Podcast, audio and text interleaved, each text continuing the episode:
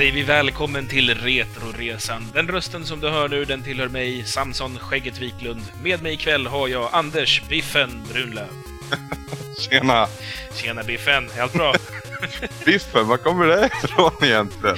Ingen aning, jag är alldeles för trött för mitt eget bästa. Har vi ute sent den här veckan? Ja, jag var uppe halva natten och strukturerade om våran eh, ja, databashantering på vår sajt. Det tog ett tag. Alright. Ja, vi, ni uppmärksammar ju märkt att vår hemsida ser lite annorlunda ut. Ja, eller väldigt annorlunda. Väldigt annorlunda. Det är inga färger alls egentligen. Nej.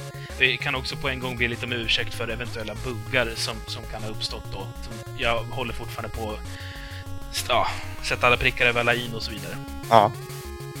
Men ja, det, det, det är en ekonomisk fråga. Vi behövde summera ihop det på ett annat sätt än vad vi hade det, så då eh, har vi fått göra så här. Eh, ni får se vad ni tycker. Tycker ni om det sparsmakade eller vill ni ha den gamla Galax-stilen tillbaka? De får donera. Ja, det är dyrt att ha sajter i Sverige. Ja. Ja, Anders. Eh, till dagen så har vi ju vi spelat sidskrollande shoot 'em up i form av Gradius 3. Mm. Eh, och det ska vi prata lite mer om om ett tag, innan vi hoppar dit. Eh, har vi kanske fått någonting i lyssnarpost? Ja, vi har ju en hel del att ta itu med den här veckan, så att säga. Så håll i hatten. Jag gör mitt bästa. Eh, först har vi då Lunkan som blev helt exalterad av den här idén med ett Trivial Pursuit med tv-spelsinriktning.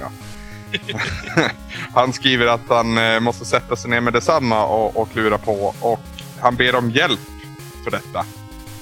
Så det är alla som lyssnar som vill hjälpa till att göra Trivial Pursuit kontakta Lunkan via vår hemsida. Det vore ju förbannat kul om, om, det, om det kommer Trivial Pursuit med tv-spelsinriktning.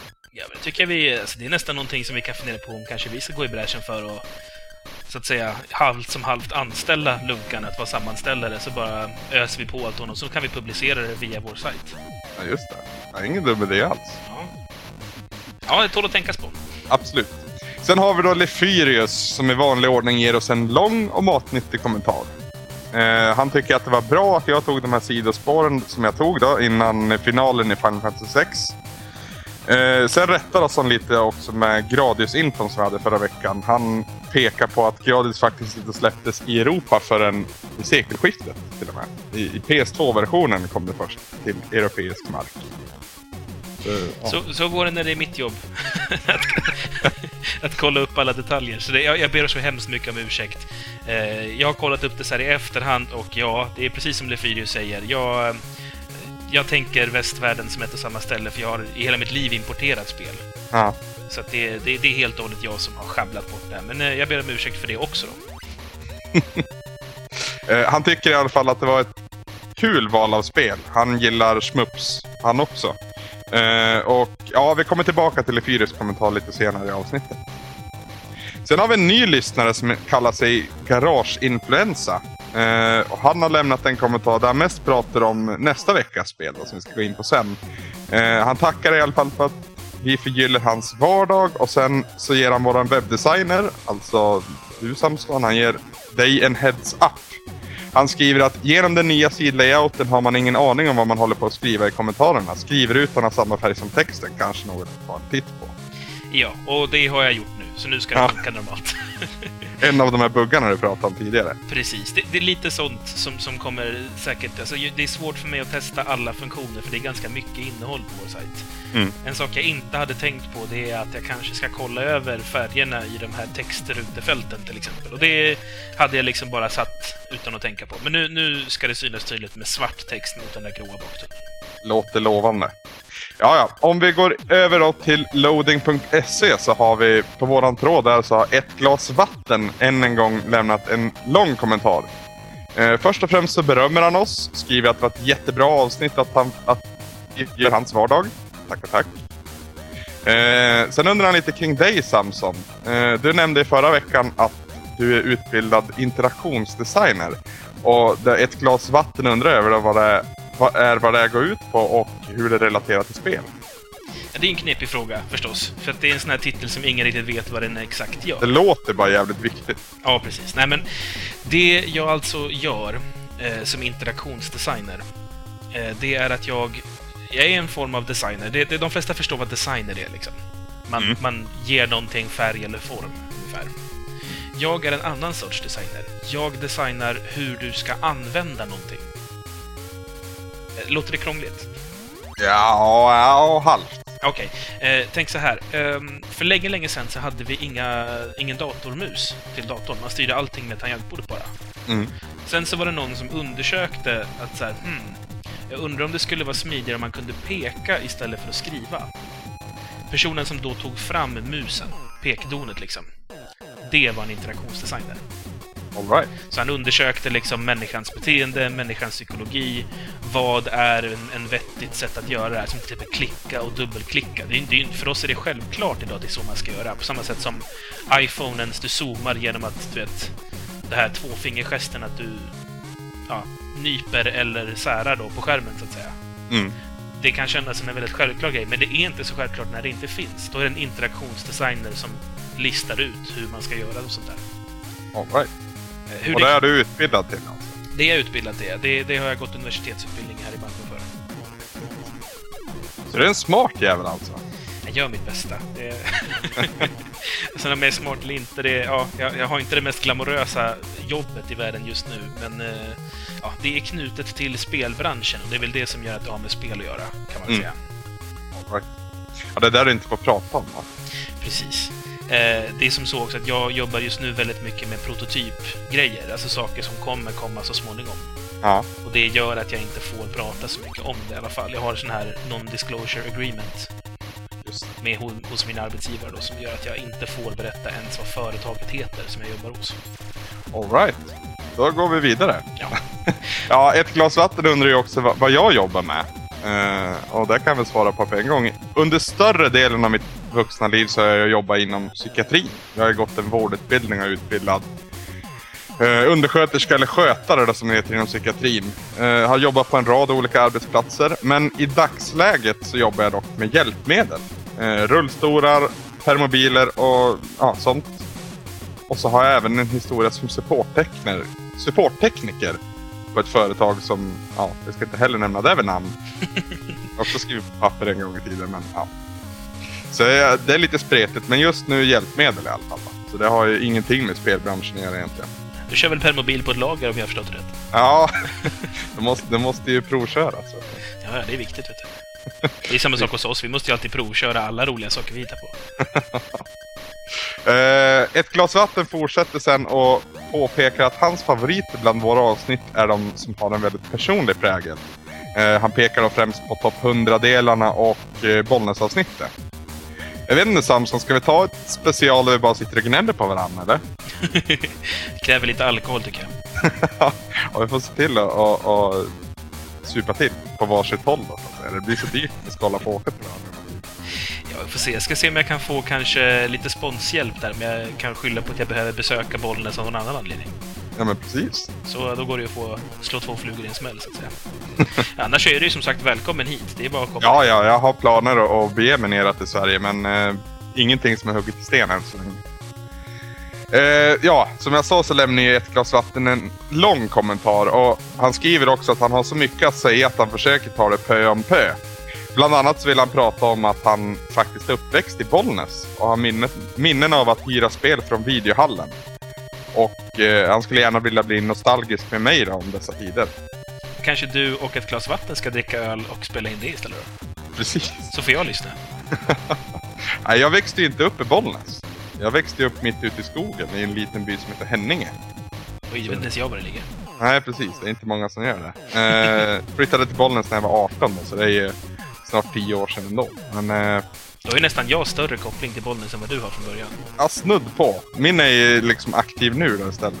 Jo, det är väl det. Men jag är, jag är ju uppväxt... Vi har ju sommarstuga eh, i närheten av Bollnäs. Så vi har, har kusiner i Bollnäs och mormor och morfar. Eller inte morfar, han är död nu, men mormor bor i Bollnäs och jag har spenderat väldigt mycket tid där. Mm. Så ja, jag, jag kanske är mer Bollnäs än vad du är. Det kan hända. Det kan hända. Eh, kan dock meddela till ett glas vatten att videohallen finns kvar och att det är fortfarande den bästa hyr och video hyr-videobutiken jag gått in i i alla fall. Det kan jag skriva under på. Vi var där också när jag var i Bollnäs faktiskt, för jag ville ta mig en titt. Ja. Jag hade svårt att hitta de gamla spelen dock, men till slut så fann jag dem. Ja, precis. De har gömt undan dem bra. Det var ju där jag hyrde Super Star Wars-spelen bland annat. Det är ett mysigt ställe att knata in på. Slutligen då så skriver ett glas vatten att kritiken han lämnar mot dig till förra veckan kom ut lite fel. Eh, och för det mesta så gillar han din expertis som han säger. Eh, han håller också med dig om att det finns partier i Apes Odyssey där han känner att det är fel på spelet, precis som du gjorde. Ja, det är det. Sen har vi en annan loading-användare som heter Tuve. Eh, och han tycker att veckans, förra veckans avsnitt var soft. Och han gillade hur Final Fantasy 6 avsnittades. Sen rättar, rättar han oss också angående Oddworld Strangers Wrath. Eh, som faktiskt släpptes till Xbox. Det var ju lite oklarheter från våran sida om det här spelet. Mm, nu har vi mitt fel igen då. Tredje gången gilt. Eh, det här poängsystemet vet jag inte om jag gillar så mycket längre. Ja, Eh, eh, i, i, I din databashantering så bara råkar det försvinna lite siffror här och där va? Ja, precis. Eh, jag, jag hade helt missat att det kom till Xbox original. Alltså jag, jag klassar inte det, den maskinen som en riktig maskin, för jag hade aldrig någon. Det var en sån som så här, de här nya hade. Vi som Ja, var, de, vi, de, inte som, de som inte var riktiga tv-spelare. nej, precis. De som inte var äkta. Vi som var äkta, vi hade ju en PS2 och det kom inte till PS2 vad jag förstått i alla fall. Nu ska jag få säkert en rättning att nästa vecka så är det någon som säger jo, det gjorde det visst. Fan, kolla upp saker istället för att gissa. Så, ja, jag säger ingenting. Jag, jag hade fel helt enkelt och så lämnar vi det där. Ja, det ska vara ett hyfsat bra spel menar Tuve i alla fall. Då. Så vi får väl kika på det när Xbox blir retro. På Gameplay.se menar Fiskpinnen att det blev lite väl mycket rörande våra personligheter i förra veckans avsnitt. Han påpekar dock att eh, det som gör oss två bra är att vi är två personer som ser på spel på väldigt annorlunda sätt och därmed kompletterar varandra bra. Min stil är tydligen mer casual, att jag böjer mig framåt och tar emot. Medan du är en dryg besserwisser som sätter de små detaljerna i fokus. Jag vet inte Sansa, när det är en bra återgivning. Ja, Alltså, jag, jag, jag tycker att det är lite väl extremt. Visst, visst skiljer vi oss lite i, i att jag är ju mer eh, en detalj... Jag gnäller mer än vad du gör, är väl det som är kontentan. Du är en snällare människa än vad jag är. Ehm, och sen så är nog du lite mer avslappnad när det gäller sånt där än vad jag är. Jag tar allting på för stort allvar.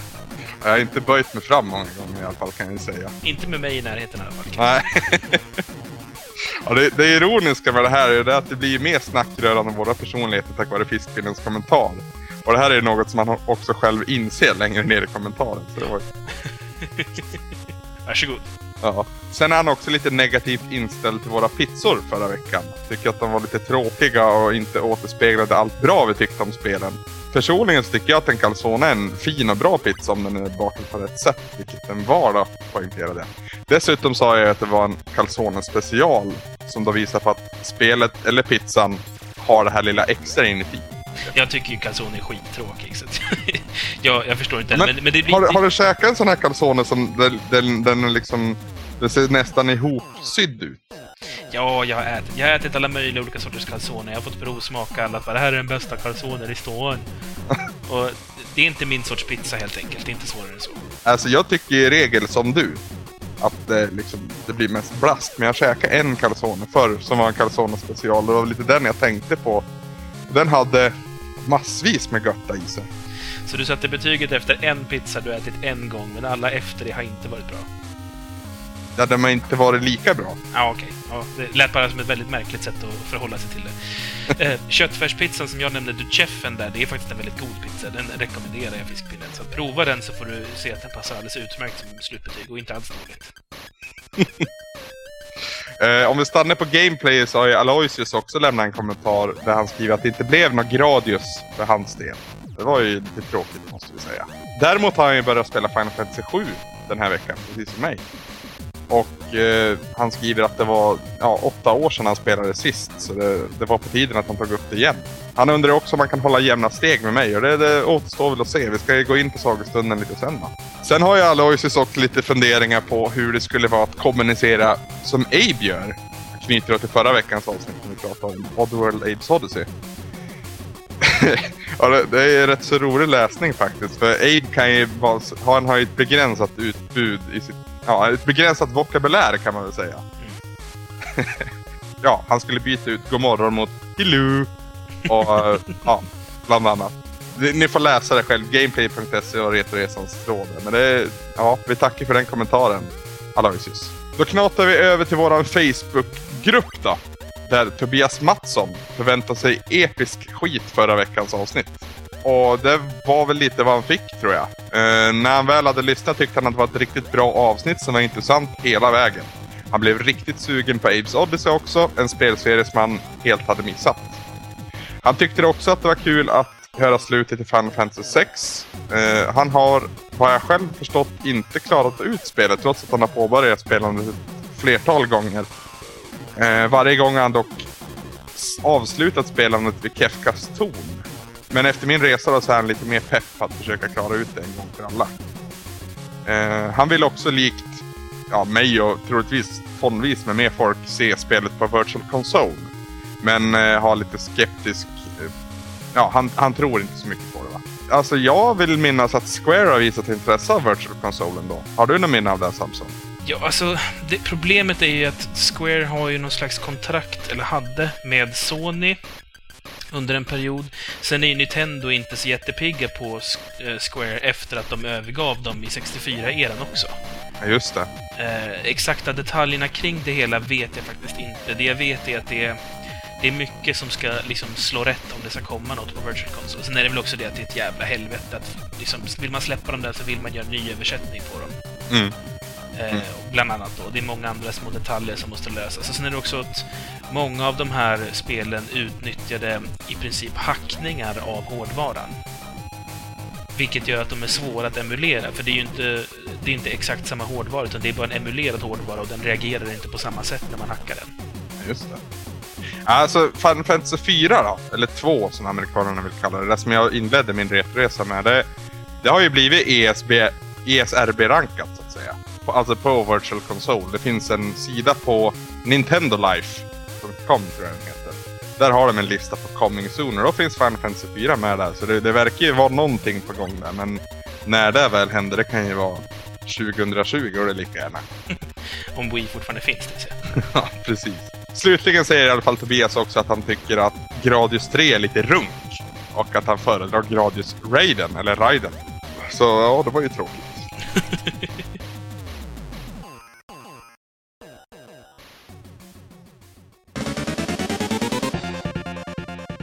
Ja, men Anders, då ska vi väl kanske ta och prata lite om Gradius 3. Mm. Eh, det är ju en sidskrollande shooter och inte sidskrollande som i Metal Slug utan sidskrollande som i Gradius. Och det tycker jag är kul att vi faktiskt får referera till spelet själv när man beskriver vad det är för något. Hur spelar man Gradius? Ja, ah, men det är ungefär som Gradius. det är ju ett stilbildande spel i den här genren. Ja. Direkt så, så, när jag började spela det här så började jag förstås tänka på de andra spelen i serien. Gradius, men förstås också då Salamander Lifeforce som vi kallar det. Mm. Eh, för att se, det känns ju liksom väldigt bekanta. Det är fortfarande väldigt mycket samma sak. Eh, det är hela tiden från vänster till höger man flyger. Mm. Eh, samma system att man plockar upp en power-up och då kan man välja att ta det första liksom power-up-grejen, eller så kan man plocka en till sån här röd power-up-logo och så får man till den andra sortens power-up och så vidare och så vidare. Eh, allt som allt så har man ju sju olika power-up att välja på. Mm. Eh, sen kan man ju också faktiskt eh, strukturisera upp vad man vill ha på vilken position. Det ska vi prata lite mer om om ett tag, tänkte jag. Mm. Spontant, Anders, hur ser du överlag på den här typen av schmups? Jag är väldigt obevandrad inom den här genren, ska jag först säga. Eh, Jag har ju spelat lite, främst i arkadhallarna faktiskt. Eh, tror också att jag faktiskt har spelat Gradius i en arkadhall någon gång i tiden. Jag tycker jag känner mig igen det i alla fall. Alltså det funkar ju. Det, det är ju ett, vad, vad var det du kallade det? Coin-op-spel. Mm. Ja. Det är, det är tänkt att du ska dö. Så upplever jag det i alla fall. Eh, lite roligt när man försökte slå in Konami-koden och dog.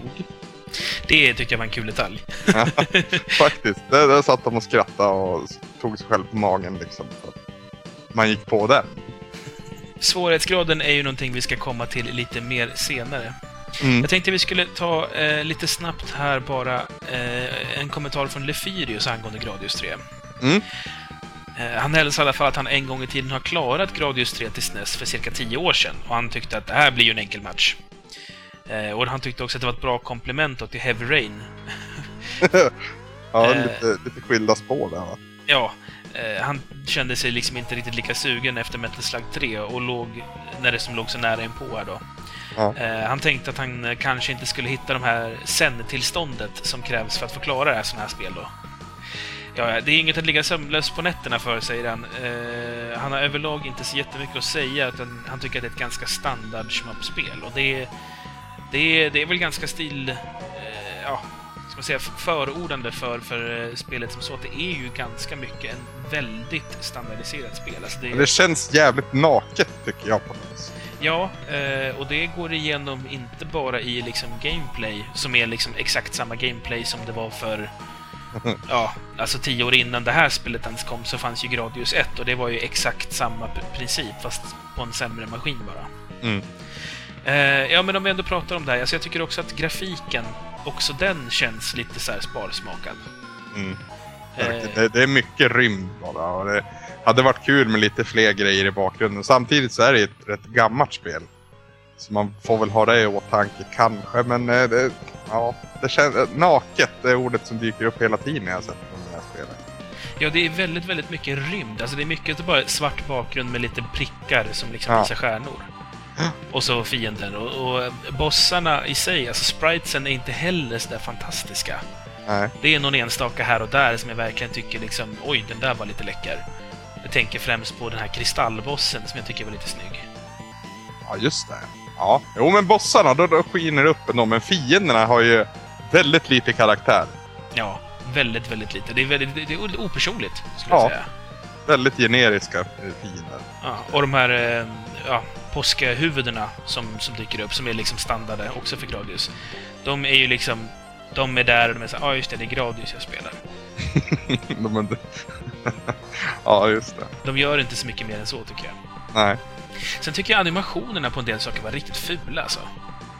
Alltså, Gradius-skeppet animeras ju knappt alls. Det flyger mest bara omkring och så får man se att det vinklar sig liksom lite grann när du svänger och har dig. Mm. Eh, Men jag tänker framförallt då på de här bossarna som, eh, ja, nu minns jag inte vilken bana det var, men de är blåa och, och fyrbenta. Mm. Som liksom klampar fram och tillbaka och du ska typ flyga mellan deras ben bland annat och när de tar sina kliv. De kommer in från vänstersidan va? Ja, precis. De kommer bakom dig. Och så Ja. det är två stycken eller tre eller sånt där. Jag tror det var två. Animationen i deras liksom... De tar ju sina kliv då, så du ska få chansen att åka under fötterna. Ja. Där var det alltså...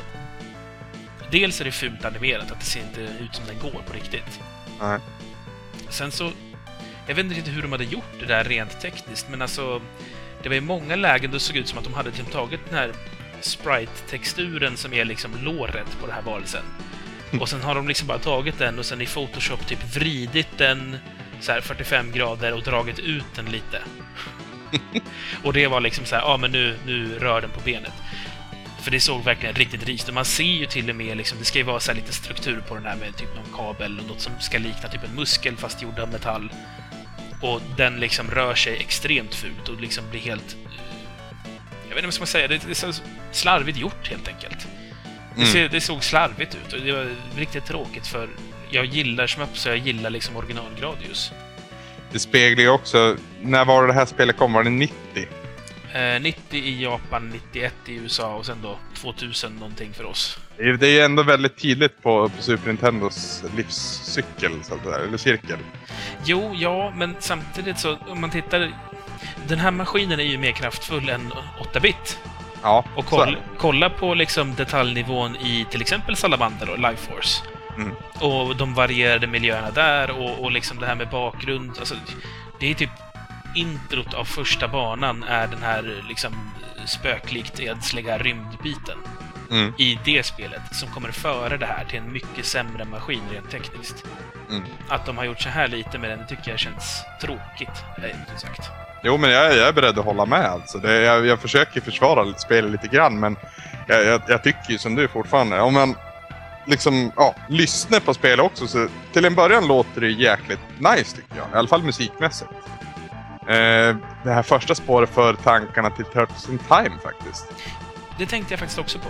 Ja, det är ett spår som är så jävla likt det. Jag kommer inte på vilket det är nu på rak arm, men det var liksom det första som, tänkte, som jag tänkte på. Uh, sen blir det jävligt tradigt efter ett tag, för att det är i princip samma musik hela tiden. Ja, fast mot slutet så tycker jag att det blir sämre och sämre kompositioner också. Ja, men uh, ja, första halvan av spelet, så att säga, det, det är en, ett bra stycke musik, men det känns som att nästa bana och nästa stycke, det är bara en version av samma låt igen. Ja, i princip. Ja. Eh, Det är lite kul dock, tycker jag, att banorna inte har någonting emellan dem, utan det är verkligen, de kommer i ett flöde alltihopa. Precis, det står aldrig stage cleared eller någonting sånt, utan det, det bara fortsätter. Mm. Ja, eh, vad tycker du om ljudet i spelet? Jävligt ynkligt, faktiskt. Alltså, ja, det, det känns komprimerat ordentligt. Förut, om man skulle plocka bort musiken, som, som man hör är liksom 16 bitar, så tror jag inte jag skulle kunna urskilja att det var ett 16 bitars mus- system som jag spelar på. I många fall. Alltså det finns några få moment där är, man hör liksom rejält. Alltså jag tänker framförallt på introsekvensen. Ja, Musiken där och framförallt de här ljudeffekterna av liksom hur Viper-planet då fälls ut ur det här moderskeppet som den är i. då. Där Det låter liksom riktigt häftigt. Mm. Men sen så kommer man in i spelet och ser liksom när skottet låter så här bla, bla.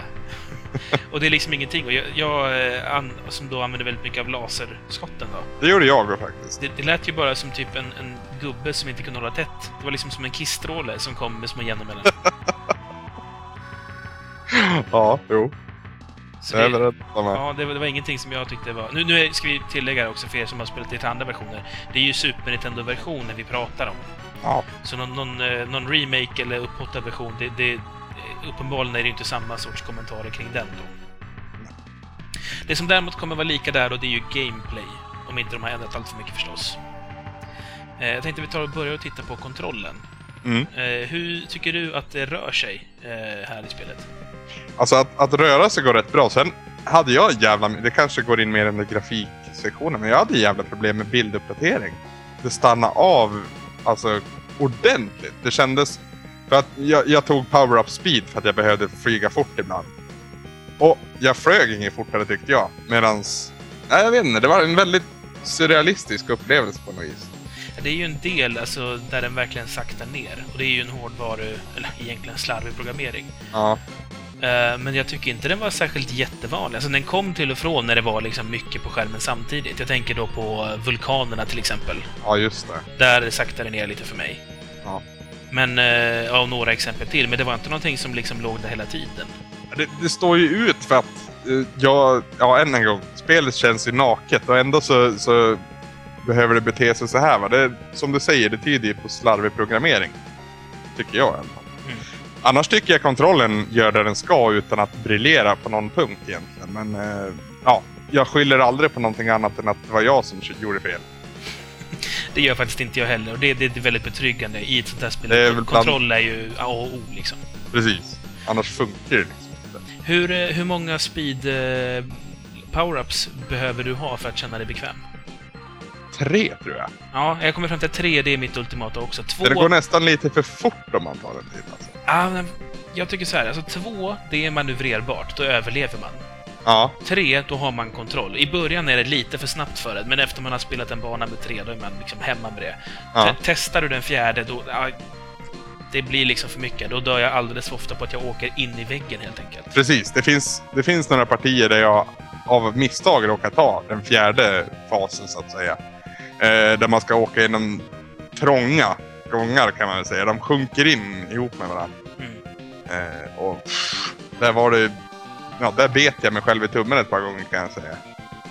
Fy fan. Ja, Lefyrius tycker som så att den är bra, men lite seg och aningen enkel. Ja, kontrollen. Ja, eh, han tycker också att det är liksom ett rent spel, inte massa extra funktioner som ingen använder i alla fall. Eh, sen så stör han sig också lite på att han har liksom vant sig vid att det ska vara en väldigt liten kollisionsyta på spelet, om man jämför med andra bullet hell shooters. Så han, han och jag själv också kan jag säga har en tendens att bli lite för optimistisk vad gäller vad som är hitbox och vad som inte är det. Lefyrius tycker också att det är ett långt spel för att vara shooter. Mm. Eh, ja, det är det väl på sätt och vis. Alltså, jag spelade igenom det här idag en sista gång. Eh, I eftermiddags faktiskt, för jag hade tvättid idag. Mm. Och eh, ja, alltså så långt tycker inte jag att det är. Det tog väl kanske 40 minuter från start till slut. Det är ju bara att upp till. Nej, det, det här var en, en no-fusk-run, för jag ville... ja, Du hade skrivit så här, det här går inte att klara utan att fuska, på Twitter. Tänkte jag, jo men det går väl, så svårt var det ju inte. Och sen så satte jag mig ner och tänkte, okej men nu ska jag vara jävligt metodisk och ta det här spelet. Och så, mellan två tvättar hann jag alltihopa. Ja. Sug på den! Nej, jag, jag erkänner ju på en gång. Jag, för att klara det här spelet var jag tvungen att fuska. Ta fram lite så att jag hade skö- sköna vapen.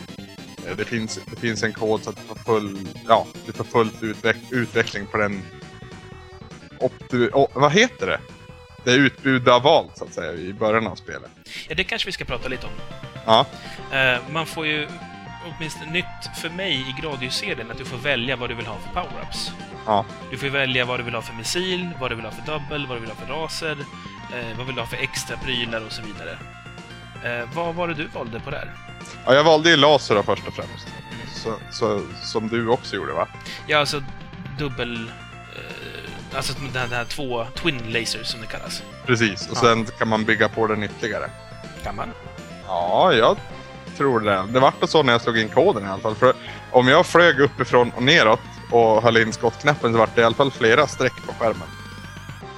Jag kanske hade en enkel laser som jag uppgraderade på något, på något lustigt vis. Det kan det vara. Twin laser som jag hade, då är det alltså två skott som... Ja, då går det två precis likadana, li- en ovanför en under. Ja, Inte särskilt långa. Det går att ha typ... Ja, jag tror att finns, du får plats med typ två sådana skott på skärmen samtidigt. I sidleden så att säga. Ja, precis. Höger till vänster. Ja. Sen kan, om du har såna här options, ett extra kompisar, då blir det ju fler då. Men Ja. två per kanon liksom. Sen, sen valde ju jag bomber. Alltså sådana som droppar från skeppet. Det var ju ing- ingen höjdare alltså.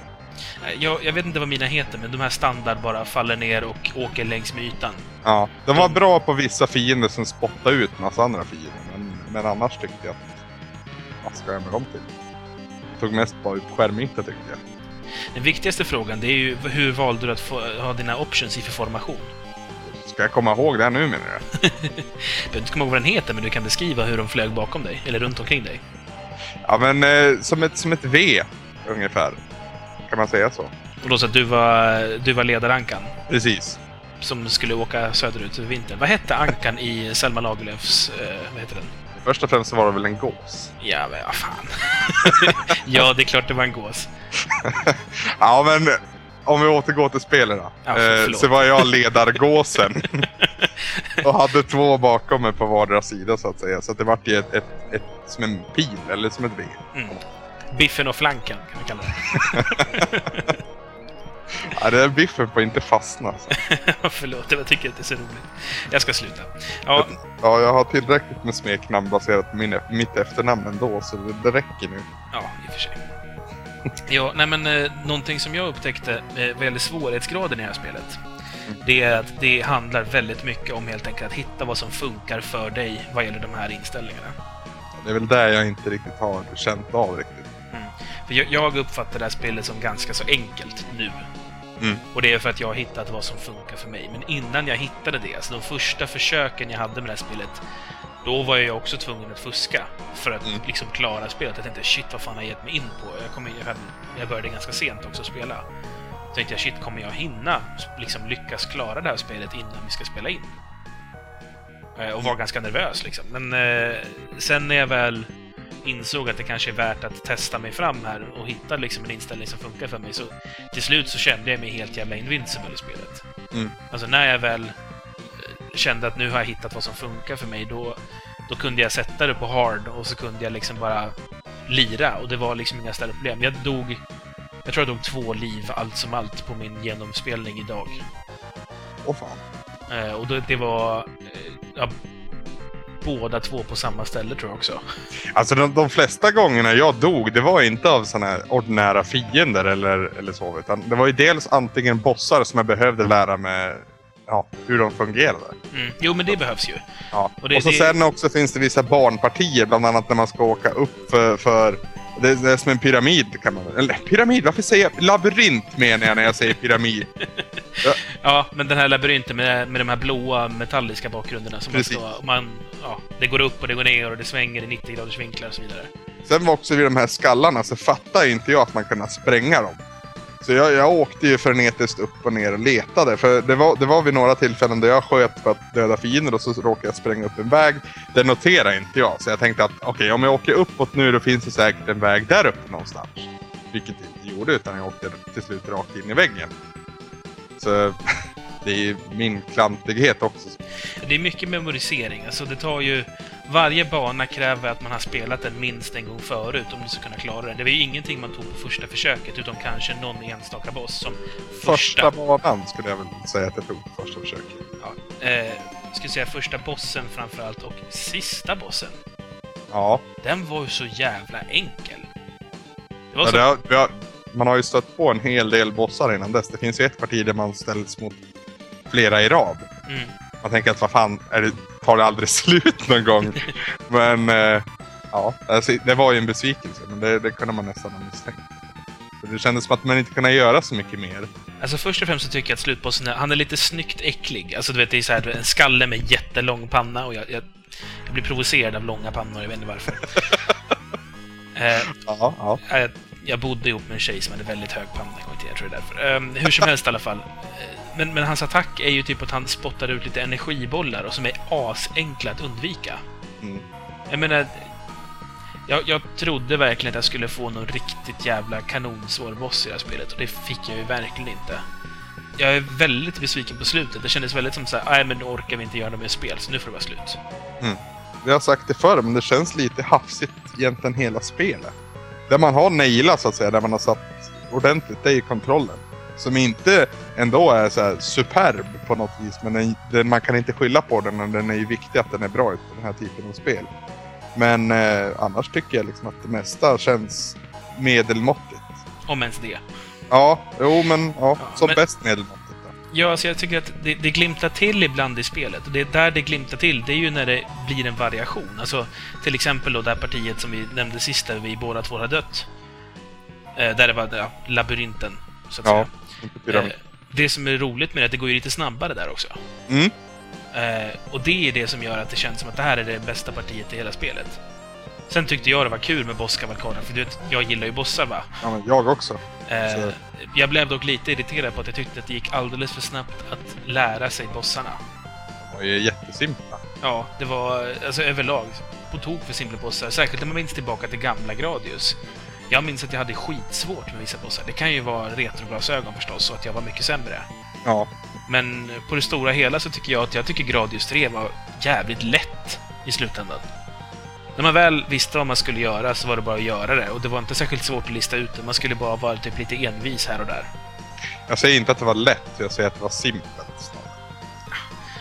Ordvrängare, men ja. Nej men alltså det är, det är skillnad. För lätt, det är, det är Super Mario 3. Ja, fast alltså jag tyckte inte det var särskilt komplicerat att utföra själva handlingarna heller. Alltså det var simpelt att lista ut vad det var jag skulle göra. Och sen att utföra det var inte särskilt svårt heller. Det som gjorde det svårt för mig då så att säga, det var ju när jag inte fuskade och när, när jag liksom, ja, när jag dog en gång och så fick jag ett skepp som var helt återställt och hade den här jävla futtiga attacken bara. Så var jag tvungen att samla på mig alla power-ups igen. Ja, fast det gäller ju alltså... Ja, nu, nu är jag ju skadad av att jag var ju så jävla overpowered kände jag. När, Mm. med, med hur jag hade liksom ställt in alltihopa. Så jag kände att enda chansen, eller risken, att jag skulle dö, det var om jag själv åkte in i en vägg. Eller om jag var slarvig nog att inte ha uppmärksamhet på vad mitt skepp var. Mm. För jag behövde inte tänka alls på mitt skjutande, för jag hade så pass, alltså... Min range, eller vad ska jag säga, mitt omfång på mitt skott, det var ju nästan halva skärmen. Mm. Så jag behövde i princip bara röra mig lite uppåt eller lite neråt så sköt jag allting på skärmen. Så det enda jag behövde tänka på egentligen, det var krocka inte i något och försöka undvika att bli skjuten. Och sen Mm. bara hålla in skjutknappen hela vägen så löser sig resten själv. Mm. Ja men då är det ju simpelt, eller hur? Ja, och enkelt. Det är inte särskilt komplicerat att göra det här heller. Det var ju inte lika enkelt för mig. Jag hade ju inte lika overpowered känsla då. I och med att jag dog lite oftare då skulle jag tro. Sen var det ju ganska charmigt också att när jag väl dog, på, idag då, på den här Mm. eh, ja, blå banan, Mm. När det går fort. Så tänkte jag shit helvete, nu måste jag få tag på mina grejer igen. Direkt efter kommer man ju till någon slags bonusliknande bana där det bara dräller in såna här röda power-up tjohejsan. Så då var det ju, var man ju uppe på en gång igen. Det var, det var ju skön timing för, från min sida. i alla fall. Ja, lite tur får man ha också. ja, Lefyrius eh, drar en slutsats om spelet och han säger så här. Det här är ett spel som får mig att fundera över hur jag har utvecklats som spelare. Nu blir det väldigt djupt här. Mm. Att åka genom rymden är som en resa in i själen där man får veta om man är fortfarande det rastlösa barnet eller den vuxna, mer strukturerade mannen jag har blivit. Tänk vad ett styrkors, en skjutknapp, att välja bonusknapp kan säga om en. Vad säger de om er? Ja, eh, det säger ju en sak om min barndom och det är att jag inte spelar smups. och att jag inte är så jävla imponerad än så länge från den här genren. Jag tror att det hade kunnat visas upp ett betydligt bättre exemplar från den här genren. Ja, det, det är jag helt med på. Jag, jag som är ett Shmup-fan, jag tycker att det här var bland det...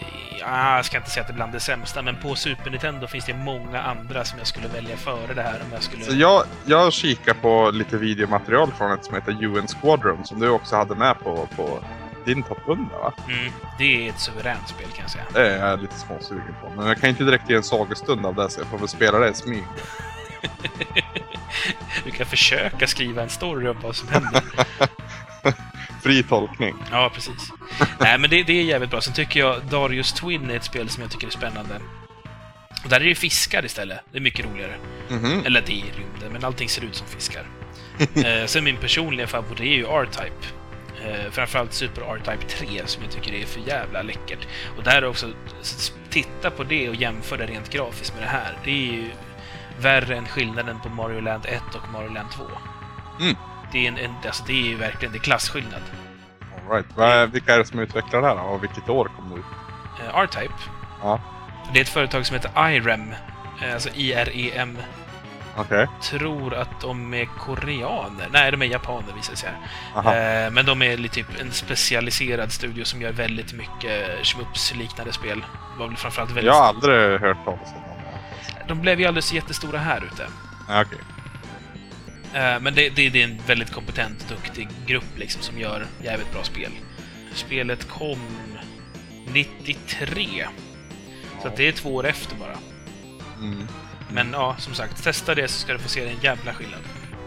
Ja, men vad säger du då om eh, din resa genom rymden och Ja, Lefyrius utsvävning där? Ja, om jag fortfarande är det rastlösa barnet eller den vuxna mer strukturerade. Precis. Jag, jag var aldrig så jättemycket av ett rastlöst barn heller. Jag var ju sån här... eh, Folk trodde jag hade Asperger när jag var liten för jag var så jävla ordningsam av mig. Eh, så att... Ja, det är klart att jag spelade såna här spel som barn och var liksom hetsig och inte hade tålamod att göra det ordentligt, men... Ja, som vi pratade lite om i det här hund eller Bollnäs-avsnittet då, så ibland är man ganska ensam och då finns det inte så mycket annat att göra än att bli bra på spelet så man får komma vidare någon gång. Mm. Och då krävs det den här lite mer strukturerade mannen igen. Att den ska få komma fram. Och den finns ju i en även som barn. Mm. Så jag vet inte. Jag, jag är fortfarande... Ja, jag har fortfarande kapacitet till att vara strukturerad. Och jag är inte lika rastlös som jag var när jag var liten. Å andra sidan så har jag det bättre ställt socialt också med att jag eh, så att säga, jag har ett rikt socialt liv runt omkring mig nu, så att det är inte att jag sitter och spelar Gradius 3 för att jag inte har någonting annat att göra. Så att jag vet inte vad det säger om mig idag. Det säger mer om mig på den tiden, tror jag. Mm. Ja, Anders, jag vet inte, har vi tömt ut det vi har att säga om det här spelet? Det är ett kort spel och det är väldigt enkelt, så att det är svårt att fördjupa sig mer i så. Väldigt simpelt står jag fast vid fortfarande. Simpelt, ja gud, jag ska säga simpelt i fortsättningen. Ja, Eh, ska, vi säga, ska vi ta och försöka bestämma vad det är för pizza? det tycker jag. Då får du börja den här veckan. Får jag börja? Ja. Det här spelet är kort och gott en fungi. Okej. Eh, har du käkat fungi någon gång? Nej, Har du någon aning om vad det är? massa ost har jag för mig. Nej, då tänker du på någon annan. Fungi, det är svamp. Ja, det vet jag nu när du säger det. Ja, du tänker på någon annan som heter Fromaggio eller sånt där. Ja, den har du haft förr jag för mig. Det är jag säkert. Ja. Fungi i alla fall, det är alltså... Det är i princip en... en eh, vad, vad heter de? Ma Mari någonting. De här som inte är någonting på alls. Ja, vad fan heter de? Hjärnsläpp, jag kommer inte på det. Ja, men alla vet vilka jag menar. En Vesuvio fast utan någonting på. Tomatost i princip. Ja, det är typ en sån pizza fast det är lite olika sorters svamp på. Och varför det är det då? Det är för att jag tycker att det är kul att man eh, försöker liksom så här. Nej, men nu ska vi ge en ren upplevelse av hur det är att äta en svamppizza. Vi vill inte ha liksom en pizza som det är svamp på. Vi vill ha en pizza som består av bara svamp där svampen är huvud, huvudingrediensen där mer än någonting annat. Ja, precis. Och i vanliga fall så brukar man ha svampen som något som finns där, något som är liksom en del av strukturen, men inte liksom det som är det glammiga, glitchiga som man faktiskt beställer pizzan för. För du köper ju inte en pizza baserad på att det finns svamp i den. Du köper den för köttet. Eller för någonting annat som verkar spännande. Men här har man liksom gjort en hel pizza av det där som man har bredvid. Alltså det är som att göra en pizza med bara... Vad har man med på pizza som inte är liksom viktigt att ha med? Jag kommer inte på någonting bara för det. Men... Alltså, ja, räkor tycker inte jag ger så mycket. Ja, fast det, räkor ger mycket smak, så då blir det verkligen nu äter jag en pizza med räkor. Ja, jo. Men du tänker aldrig nu äter jag en pizza med svamp? Det är inte Ja, den här isbergssalladen jag pratar om. Ja, kanske. Nej, men i slutändan så är det alltså en pizza som är... Den är i sitt eget lilla hörn just för att den är lite för enkel för sitt eget bästa. Den har inget som sticker ut som är ett så här... Det här är bra för att det innehåller jada jada. Utan det här är en sån pizza man, man köper den en gång för man är sugen på att veta om det här håller som koncept. Och det gör det faktiskt inte. Nej. Så det är en alfungi. Ja, jag säger att det är en Vesuvio, ja. Kort och slätt och gott. Ja, pizzan bjuder inte på någonting extra, eh, men den gör det den ska. Eh, saknar ju helt klart några ingredienser för att vara en riktigt god och, och prisvärd pizza. Och känns idag rätt naken och rätt simpel. Men eh, samtidigt så var det en sån här pizza som en, en gång i tiden fick en att börja käka pizza och då spela spel. Då. Så ja, en Vesuvio till gradus 3.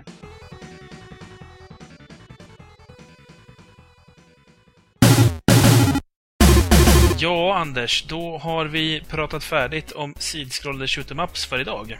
Yes box. Eh, jag tänkte, ska vi återknyta lite till eh, förra veckans musikpaus? Mm, det vore kul. Då lyssnade vi på The Lizard Wizard av Jonathan Mann från den här Mario-operan han har gjort. Mm. Eh, Jag tycker inte att den låten är en höjdare faktiskt. jag uppskattar den väldigt, väldigt mycket kan jag säga. Så att det, ja. Ja, det, nej, funkar inte för mig. Däremot den här låten vi ska ta nu. Ja, den är snäppet vassare tror jag. Ja, Det är jag med dig på. Eh, eller de- är bra på olika sätt, helt enkelt. Hur som helst i alla fall. Låten vi ska lyssna på nu, den kommer alltså från samma skiva. Det är också Mario Opera Act 1. Mm. Och det är också Jonathan Mann och vi kommer lägga upp länkar då på nytt till samma ställe då. Men det är alltså sista spåret på skivan som är mer en summering av liksom hela Mario-fenomenet. Och låten är ju då en hyllning till Marios skapare och heter kort och gott Shigeru Miyamoto.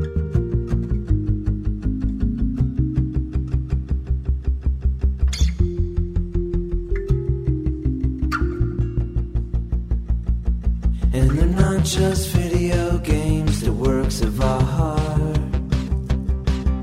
And I want the whole wide world to know that everything he's done has come from his heart. And that's what makes him different. Step back or you might miss it.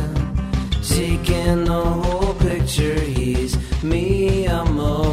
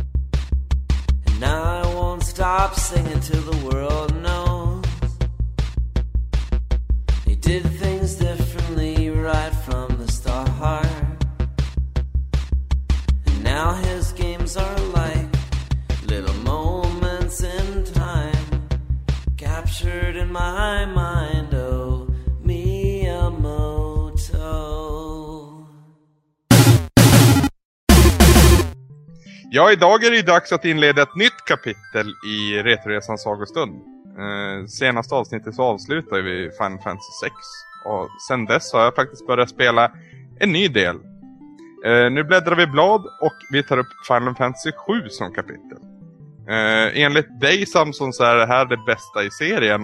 Eh, du planerar, placerar det på tredje plats på din topp 100-lista om jag inte minns helt fel. Jag vill också förtydliga det att jag skulle säga att det är min favorit i serien. Ja, just det. Så man inte blandar ihop det. Det var din topp 100 favoritspel, ja just det. Ja. Mm. Alright. Eh, har lite fakta om spelet som jag tänkte gå igenom innan vi kommer in på själva handlingen då, så att säga. Kör i vint.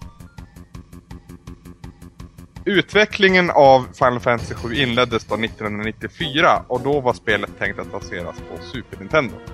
Eh, under utvecklingen ändrades dock de här planerna och man skulle då lansera det till Nintendos kommande konsol Nintendo 64. Men när det visade sig att eh, Nintendo 64 fortfarande skulle använda kassettbaserade spel eh, som var svindyra att tillverka med mycket minne eh, så fick Square tänka om. I januari 1996 meddelade företaget att Final Fantasy-serien i fortsättningen skulle släppas exklusivt för Sonys nya maskin, Sony Playstation. Utvecklingsteamet bakom spelet var hela 100 manna starkt, då det största teamet för ett spel någonsin. Med en budget på 45 miljoner dollar hade man också en hel del kraftfulla verktyg att jobba med. Sony i sin tur lanserade en reklamkampanj värd uppemot 100 miljoner dollar för att ytterligare hypa spelet långt innan det faktiskt släpptes. Men i november 1997 släpptes det äntligen spelet i Europa, 10 månader efter den japanska releasen. Från världens alla hörn haglade det av höga betyg och prisande ord. Famitsu gav spelet 38 av 40. Eh, GamePro har utnämnt spelet till det bästa RPG-spelet någonsin. Och EGM, alltså Ele- Electric Gaming Monthly, har placerat spelet på en sjätte plats över de mest betydelsefulla spelen någonsin.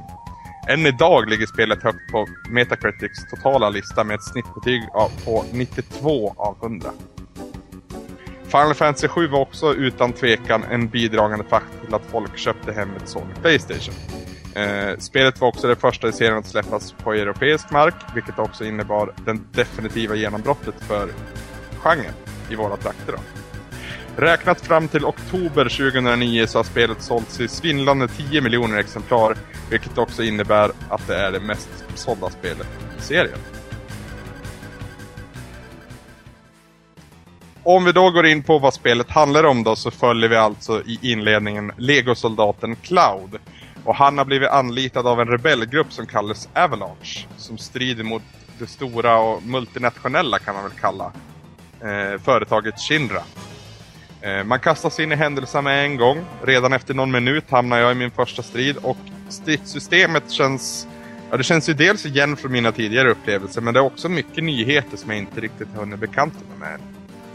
Miljön som vi vistas i är också väldigt olik mina tidigare intryck så att säga. Den är väldigt futuristisk. Istället för torn så har vi skyskrapor och istället för luftskepp så finns det helikoptrar. Eh, miljöerna som målas upp är förrenderad 3D-grafik, mycket likt bland annat Resident Evil i utförandet. Eh, under den här aktionen ska rebellgruppen spränga någon typ av maskin som kallas Mako Reactor som Shinra använder för att pumpa ut energi från jordens kärna. Eh, ledaren för den här rebellgruppen, han är en, ja, Mr T-liknande person. ja men det är han ju.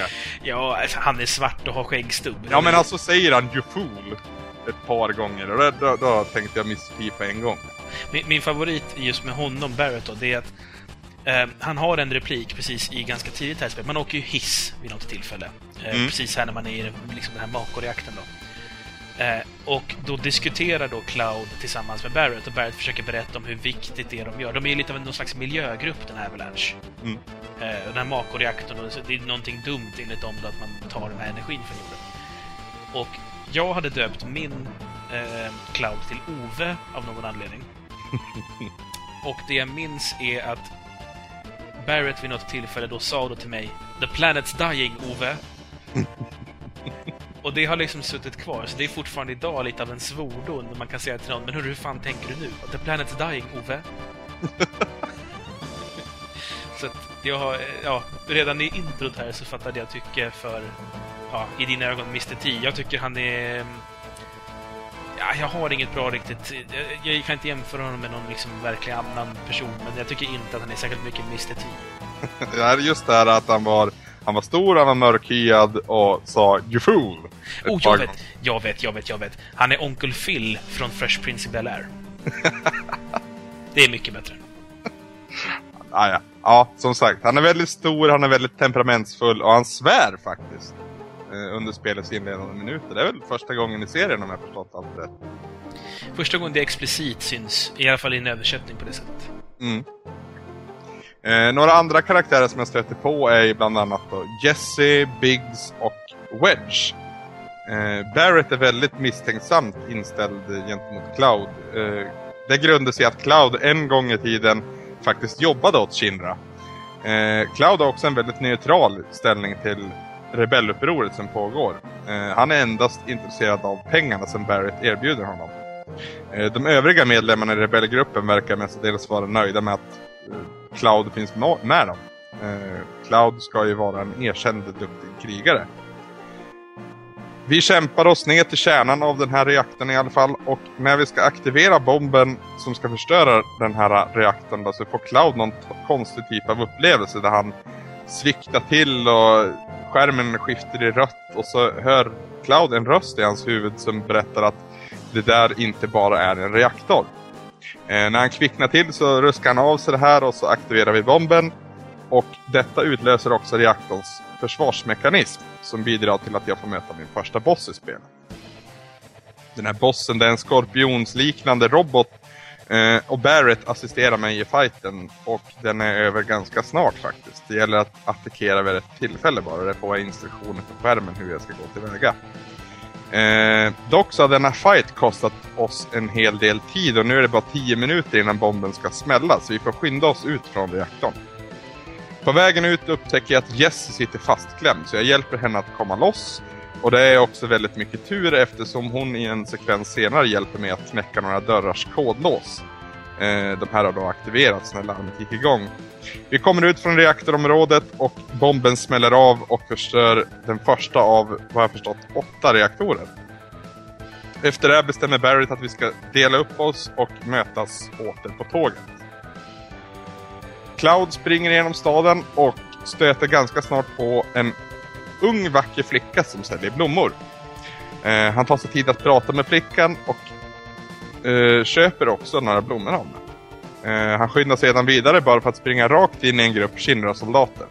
Eh, Cloud får slåss mot en rad olika soldater innan han i en djärv handling hoppar från en bro och landar på det tåg som skulle, han skulle ta sig till. Eh, tillbaka på tåget ser vi hur gruppen Avalanche sörjer att Cloud inte hann med på tåget, men snart svingar han sig in i vagnen till alla utom Barretts stora lycka. På tåget förklarar Jesse för Cloud att gruppen bär på falska ID-kort så att de inte ska bli arresterade under den kontrollen som konstant bedrivs ombord på tåget. Hon visar mig sedan hur världen Midgar är uppbyggd med åtta olika reaktorer i en cirkel och sen är det väl en värld ovanför den andra kan man väl säga. Ja, alltså Midgar är ju... Du, du är ju alltså i en stad som heter Midgar. Okej. Eh, och i Midgar så har du åtta reaktorer som finns i en cirkel på något vis. Ja. Och sen liksom på marknivå, eh, i, inuti den här cirkeln då, så är alltså slumområden i princip. Mm. Och sen ovanför allt det här, eh, uppburet av en pelare från mitten, så finns då i princip överklassen. Ja, just det. Som Så det är finns... en enorm klassuppdelning med andra ord. Ja, extremt. Det är som, en, som ett grekiskt drama nästan. Ja, eh, när våran tågresa är över så kommer vi till sektor 7 och det är det här, det här området där rebellgruppen har sin bas. Här ser vi också att eh, det här området är ett riktigt slumområde som du säger. Det finns mycket fattigdom och elände och det ligger skrot och skräp i princip överallt. Mm, Avalanche högkvarter är en bar som kallas Seventh Heaven och det drivs av en flicka som heter Tifa. Eh, den här flickan visar sig också vara en barndomsvän till Cloud. Eh, snart hamnar Barrett och Cloud i bråk där Barrett inte känner för att betala Cloud för hans tjänster. Eh, Cloud är nära att lämna gruppen bakom sig men övertalas av Tifa och vi får då se en flashback när de två var unga. Och Cloud lovade att komma hem och så kallat rädda Tifa om hon någon gång skulle vara i knipa. I samma flashback ser vi också att eh, den unge Cloud har ambitionen att bli en så kallad soldier. En elitgrupp av krigare anställda av just Shinra. Hans mål är att bli en lika stor krigare som Sephiroth, den största av alla krigare. Lagom till att Cloud har övertalats av Tifa kommer vi också Barrett på bättre tankar och ger Cloud de pengar han är skyldig honom. Trots att de egentligen var tänkta att täcka hans dotters utbildning. Cloud går därefter med på att han ska följa med i gruppen på deras nästa uppdrag, vilket innefattar att spränga den femte reaktorn. Eh, denna gång följer också Tifa med på uppdraget. Dagen efter går vi alla mot stationen och vårt nästa uppdrag. Ombord på tåget blir vi dock upptäckta vid ID-kontrollen och vi tvingas hoppa av tåget.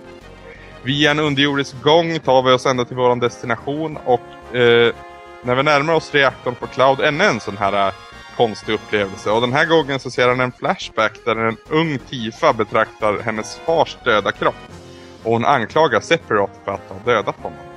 Cloud kvicknar sedan till, planterar bomben och inleder sedan flykten från området. Vi blir dock stoppade av Shinra-soldater. Snart får vi också celebert besök då företagets president besöker platsen. Han skrattar åt våra taffla försök att göra några skillnader i den här världen och sen aktiverar han en ny prototyprobot. Och det här blir då vår, vår andra boss i spelet.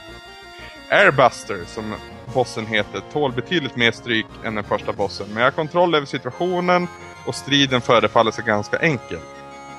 Dock så förstör explosionen från roboten bron som vi alla står på och Cloud blir hängandes från en kant.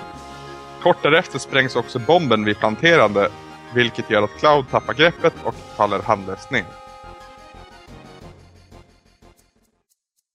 Cloud vaknar sedan upp i sektion 5 inuti en kyrka. Tydligen så har taket på denna kyrka dämpat hans fall och han har klarat sig ganska bra. Inuti kyrkan möter han också den här flickan igen som sålde blommor till honom. Det visar sig att hon heter Aris och efter lite dialog så ber Aris Cloud om att han kanske kan vara hennes livvakt under hennes hemfärd. Det här går Cloud med på. Kort därefter så dyker The Turks upp. Ett gäng kostymklädda nissar som också jobbar åt Shinra. Eh, vi flyr från dem men blir ganska snart uppdelade då Aris faller från en eh, ja, bro kan man säga. Cloud får assistera Aris från takbjälkarna medan Aris försöker strida på så gott det går. Lyckligtvis så har jag tidigare köpt på mig ett gäng granater som visar sig komma till användning här och vi lyckas med vårt flyktförsök. Vi kommer så småningom till Aris hus där vi också träffar flickans plastmamma Elmyra. Aris lovar Cloud att de ska visa honom vägen till sektor 7 dagen efter och går sedan till sitt rum för att sova. Elmyra ber då Cloud att han, att han ska smyga iväg utan att Aris får veta något då hon är orolig för sin lilla flicka. Eh, Cloud gör som han blir tillsagd men han möter ändå Aris på väg till sek- sektor 7. En liten envis flicka där helt klart. Under den här vandringen så tar vi en rast vid en övergiven lekplats och där ser vi också hur Tifa förs i en fångvagn mot staden. Eh, vi följer efter den här fångvagnen och får snart veta att Tifa har förts till ett palats som tillhör en Don Corneo som tydligen är på jakt efter en ny fru. Eh, vi bestämmer oss för att försöka infiltrera det här palatset och för att göra det måste Cloud klä ut sig till en flicka. Eh, efter några ärenden så har vi fått tag i både klänning och peruk och Cloud har förvandlats till en söt liten flicka till Aries stora förtjusning. Anders, Mm. i den här stan som Don Corleone finns, där du springer runt och, och letar upp de här flickattiraljerna åt honom. Mm. Tänkte du på att det var en väldigt homoerotisk stämning inne på gymmet man är på? Verkligen. Det, det är mer än lovligt alltså. ja, man får ju tävla mot... Jag vet inte vad man tävlar i riktigt, men det är väl typ... Ja. Ja. Alltså squats, eh, knäböj kan man väl kalla det. Ja. För att få tag i, i den där peruken. där. Mhm. För det är, det är en annan boxare som vill ha den också. Oh ja. Ja. Eh, överlag, vi ska komma in lite mer sen, men det är ju rätt så seriösa teman som man tar upp här. Det är mer knutet till verkligheten än vad har varit tidigare.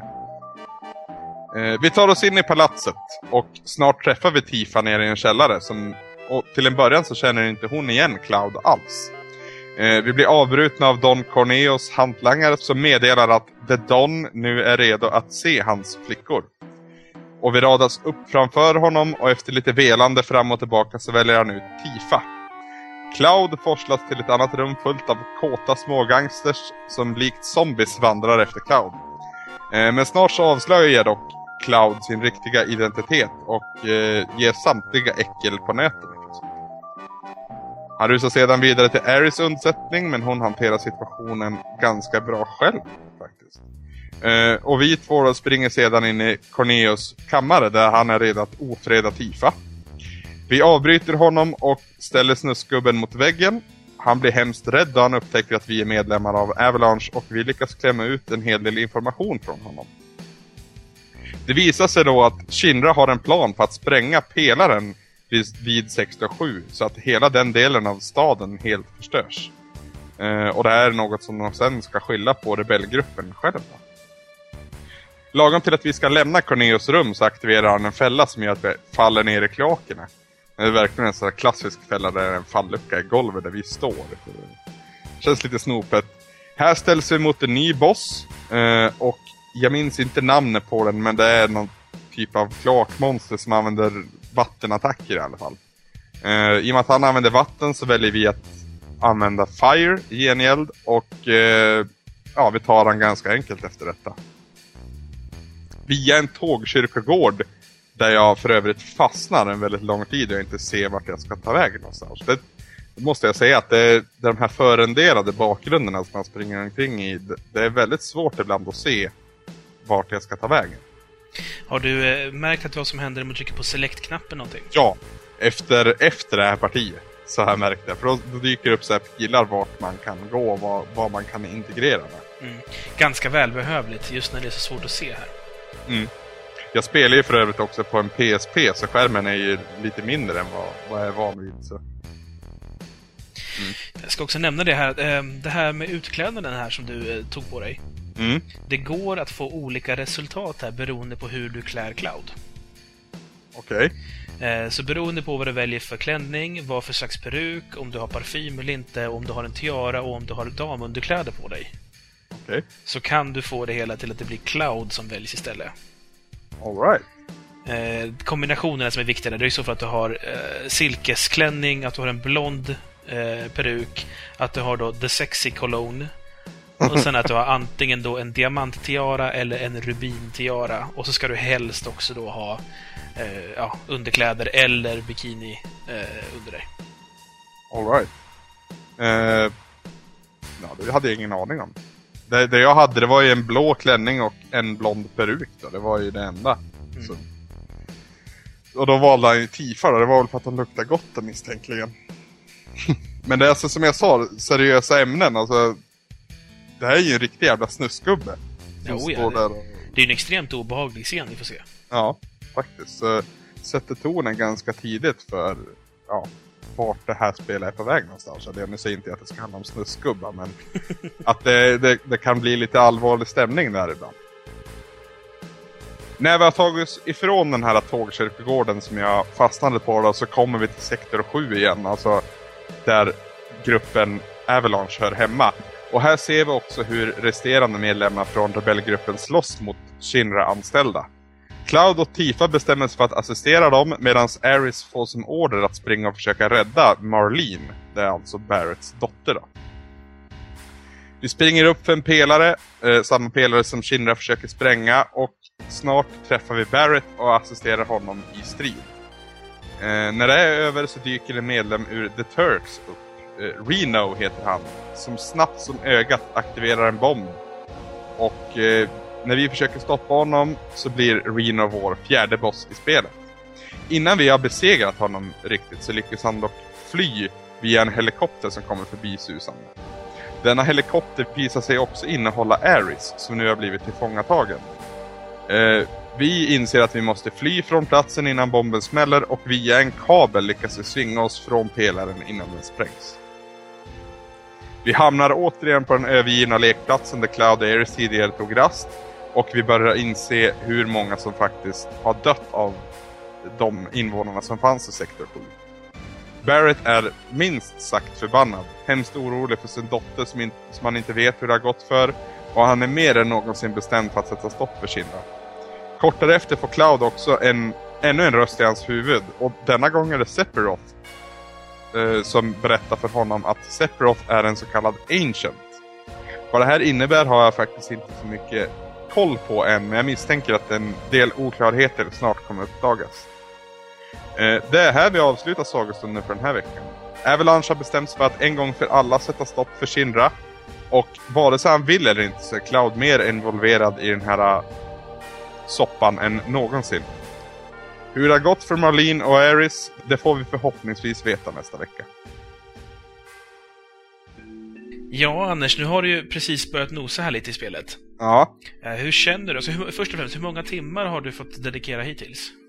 ja det här är lite roligt för min in-game-klocka visar ungefär 17 timmar. Oj. Och det är, det är väldigt, väldigt missvisande. Det är, grundat, det är grundat i att jag lät min PSP vara på utan att jag visste om det egentligen. Ja, det är ju inte så smart. Nej, så det, den är väldigt missvisande. Men jag skulle väl säga kanske ja, fyra timmar då utan att ta i. Mm, Okej. Ja, eh, fyra timmar, då hinner du bilda dig en, en hyfsad uppfattning, tror jag. Eh, kan jag börja med, vad, vad är det du inte fattar än så länge? Alltså storymässigt vet jag, men om jag tänker rent eh, gamemässigt. Nej, alltså vad jag har förstått. I Final Fantasy 6 så var- var ju magi någonting som inte fanns i den här världen, i, i den världen va. Mm. Eh, den hade ju blivit utrotad i princip. Men det visade sig sen att det fanns ändå på vissa håll. Eh, här så är det lite annorlunda. Här har man ju ett system som är som en kombination av Relic-systemet och Esper-systemet egentligen. Där man bär omkring på någonting som kallas materia va. Mm, precis. Eh, och det är någon typ av sten som kommer från jordens inre. Exakt. Fan vad jag kan när jag, när jag väl vill. Ja. Nej, eh, och den här materien då, det måste, då, måste man då sätta på eh, olika objekt som man bär omkring på. Till exempel ett vapen eller en rustning, rustning eller en, någon typ av associat. Det har jag också rätt i va? ja, precis. Alltså alla, alla saker du equippar, Mm. allt från liksom ett armband till ett svärd till ett skjutvapen, vad som helst. Allt sånt har materia-slots. Mm. Och det är alltså helt enkelt på platser där du kan stoppa i materia. All right.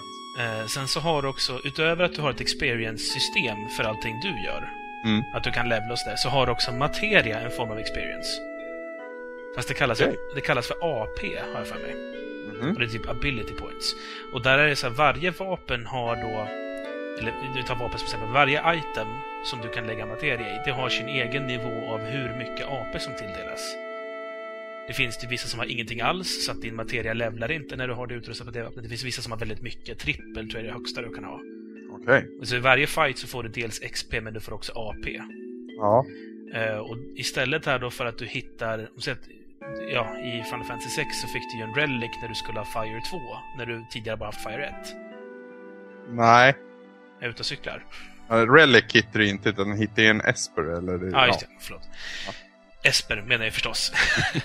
Eh, men, men där liksom, du, du måste hitta en ny grej för att kunna få Fire 2. I Mm. det här fallet så räcker det med att du levlar en Fire-materia så att den blir nästa nivå. Då får du Fire 2 av den.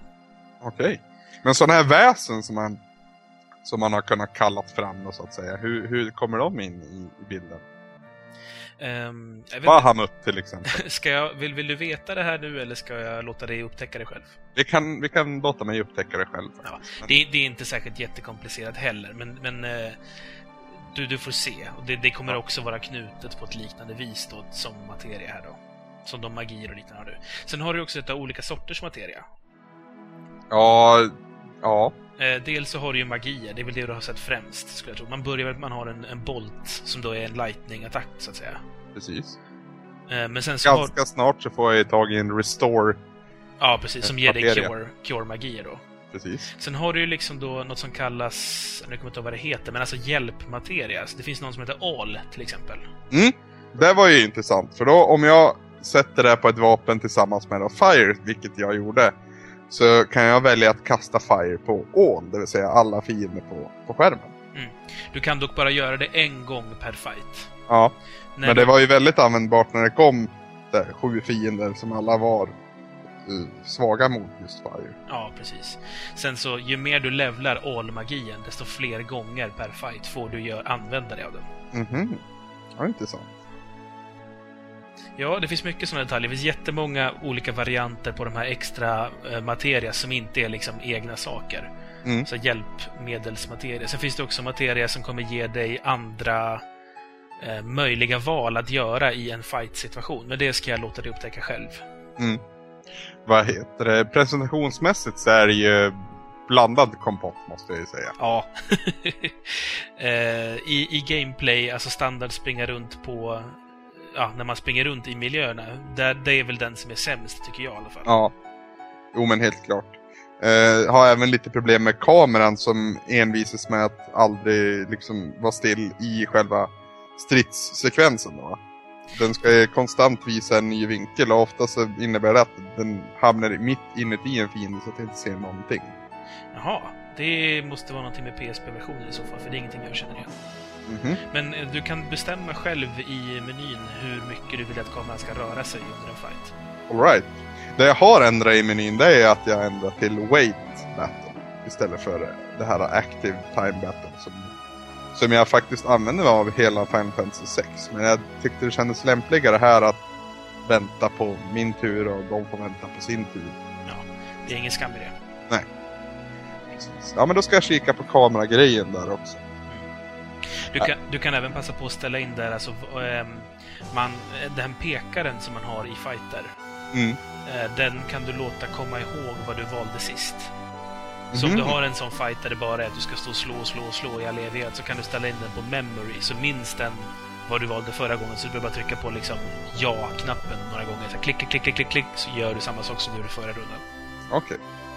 Ja, det är lämpligt. Eh, vi pratade om grafiken och att den inte var så imponerad. Däremot så är jag tagen på en gång av musiken. Som, där, där känns det ju faktiskt att vi är på ett nytt system. Ja, fast ändå är det ju midi. Ja, men det är betydligt mer eh, djupare musik kan man väl säga. Nu, ingen skam åt Final Fantasy 6 musik för den är verkligen suverän. Men det känns ändå mer vuxet på något vis i Final Fantasy 7. Det kän- eller mindre sagolikt skulle jag vilja säga. Det känns mer... Eh, vad ska man säga? Alltså jag uppfattar det som att det är lite kallare ljudbild Ja. överlag. Det är, lite, det är mer Blade Runner än Star Wars på något. Ja, men precis. Faktiskt. Eh, finns ett parti med den här tickande klockan som jag tyckte var väldigt enerverande. När man hade tidspress så var det också en sån där klocka som tickade fram och tillbaka. Jag är väldigt förtjust i musiken som är när man är inuti Mako-reaktorn. Mm. Den ödesmättade... Ja, nu kommer jag inte ihåg exakt hur den går just nu, men den är, det är någon sån här väldigt, väldigt, väldigt... Ja, mörk och eh, olycksbådande toner som jag är väldigt förtjust i. Mm. Ja, det är väldigt mörk värld jag hamnar i nu känner jag.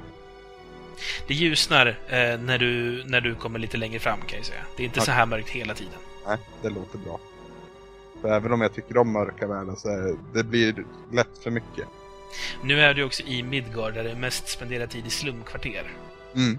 Jämför med, du kommer ju att besöka andra städer längre fram som inte är liksom lika sci-fi, utan det är lite mer bostad och eh, lite mindre liksom områden och lite mer liv på gatorna som inte är liksom folk som sitter i misär och mår dåligt. Det jag tycker är mest spännande ändå det är att, att se hur historien med Sephiroth utvecklas. För jag, vet ju liksom vilken roll han har i det här spelet och jag vet ju hur hans temalåt går så att säga. Ja, fast än så länge så vet du ju inte varför han inte... Eller var, var, än så länge så har du inte fått reda på hur han hamnar i den rollen han har. Nej, precis. Jag vet inte någonting egentligen om honom förutom att han är den största krigaren i världen. Mm. Så det- Och har varit en soldier då. Ja, precis. Och det har Cloud också varit vad jag förstått. Mm. Just det. Ja, men eh, det blir spännande. Jag ska fortsätta spela senare ikväll. Så, ja. Ska vi kanske gå vidare på vad vi ska spela till nästa vecka då? Det tycker jag låter som en utmärkt idé.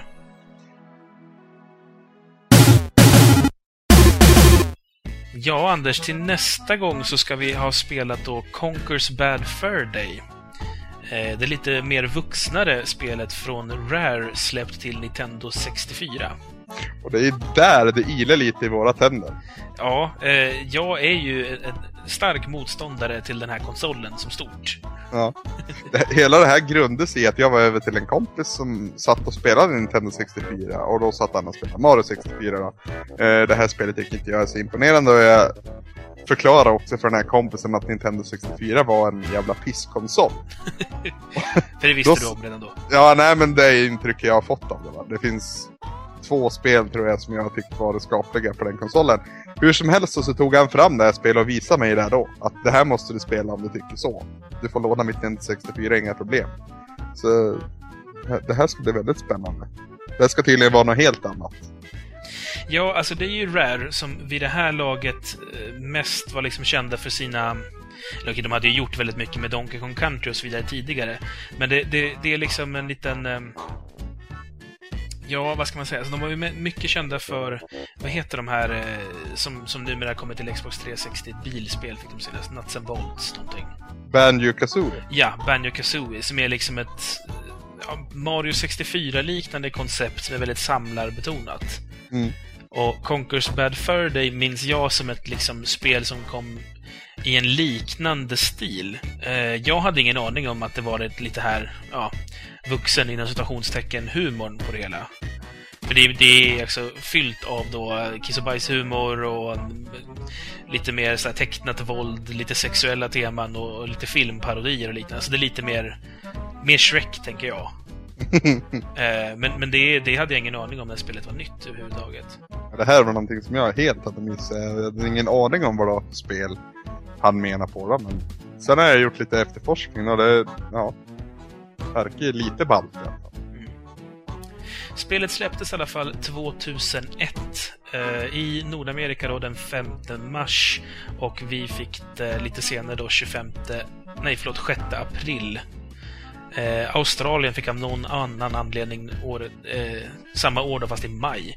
Mycket, mycket märkligt. Antagligen på grund av Australiens märkliga åldersmärkningar. Ja. Eh, ja, spelet finns också i en, ja, törs man kalla det för en remake?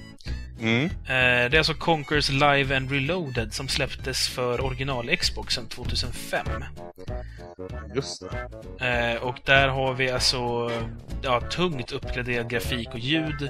Man har lagt till lite training-nivåer. Eh, Och man har också dumpat det ursprungliga multiplayer-läget från spelet, som alltså finns i 64-versionen. eh, Till förmån då för någon slags Xbox Live-variant, där man hade nya vapen och nya sorters gameplay-grejer då. Mm. Det var ju det var ju en användare, Aloysius tror jag det var, på, på Gameplay-forumet som undrade om det här räknades. Som, om, om man kunde spela det här så att säga medan vi spelar originalkassetten. Ja, alltså ja och nej. Dels så tycker jag att det, det är inte retro med Xbox. Nej. Eh, vilket är problem nummer ett. Det liksom bryter mot den argumentationen. Sen så tycker jag att eh, man kan ju självklart spela den för att få känna igen vad som är likt i gameplay. Ja. Sen är det ju också väldigt svårt att få tag i det här spelet. Eh, Om man inte då köper själva kassetten. Det finns ju inte på någon del nedladdningstjänst eller så. Mm. Så, så är det liksom det enda sättet så är det ju klart att ni ska spela det. Sen vet inte jag hur lätt det är att få tag på den heller. Nej, precis. Men eh, ja, Dock så är det ju 64-versionen du och jag kommer koncentrera oss på. mm, om vi nu lyckas hitta en Nintendo 64-dosa som inte är helt trasig. Ja, vilket var vad jag förutspådde. Men jag har, eh, jag har hittat en kran där, så det är lugnt. Ja, det är, min gode vän Alex, han är väldigt bra på sånt. Den här remaken eh, som blev till Xbox, det måste ju vara knutet till att Microsoft köpte upp Rare, eller hur? Ja, eller jag- vet inte om de faktiskt äger Rare, men de har i alla fall starka kopplingar till Rare. Så mycket vet jag. Ja du Anders, då kanske det är dags att runda av för dagen idag. Mm. Ja, som vanligt så kan man ju kommentera på avsnittet och det gör man via vår sajt, retroresan.se, eller våra respektive trådar på Gameplayer eller på Loading. Vi länkar från vår sajt. Sen finns vi också förstås på Facebook och på Twitter och där heter vi Retroresan. På Facebook så hittar ni oss på sök efter Retroresan helt enkelt. Där har vi ingen snygg URL, men det är länkat också från vår sajt. Förstås så kan man ju också mejla retroresan snabel och det här är ju en podcast och podcast kan man ju prenumerera på och det gör man ju förstås via RSS eller iTunes. Återigen finns det länkar på vår sajt. De finns också på Gameplayer om man hellre vill gå in där. Då har, har vi dem under poddradiofliken. Ja, Anders. Eh, mycket på en gång här. Jag skulle vilja flika in med att jag vill gärna ha lite feedback angående det nya utseendet här. Det är lite striktare och lite mer eh, Det grått. är lite gråare. Det är mycket gråare. Eh, tycker ni att det ser helt bedrövligt ut så påpekar det. Personligen tycker jag att det ser lite fräscht ut ändå på något vis. Stilret. Ja, en liten inramning sådär, lite mer propert. Det, det är många olika anledningar till varför vi har valt att låta det se ut som så. Men eh, ge gärna lite feedback om det också när ni ändå är inne och på vår sajt och skriver. Och nu ska det kunna gå och se också vad det står där man fyller i text. ska jag ha ordnat med. Ja, men Anders, då är det inte mycket mer typ att tacka för idag. Nej. Jag heter Samson. Och jag heter Anders. Målet är ingenting. Resan är allt.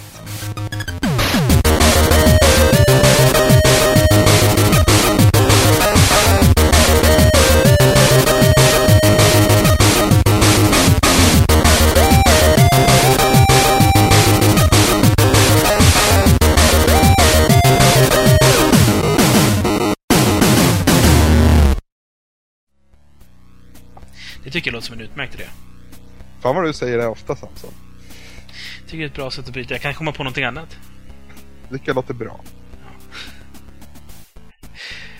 Vänta, nu måste jag komma på någonting här. Ja, nu får du skylla dig själv. Ja då. Då gör vi så, Biffen.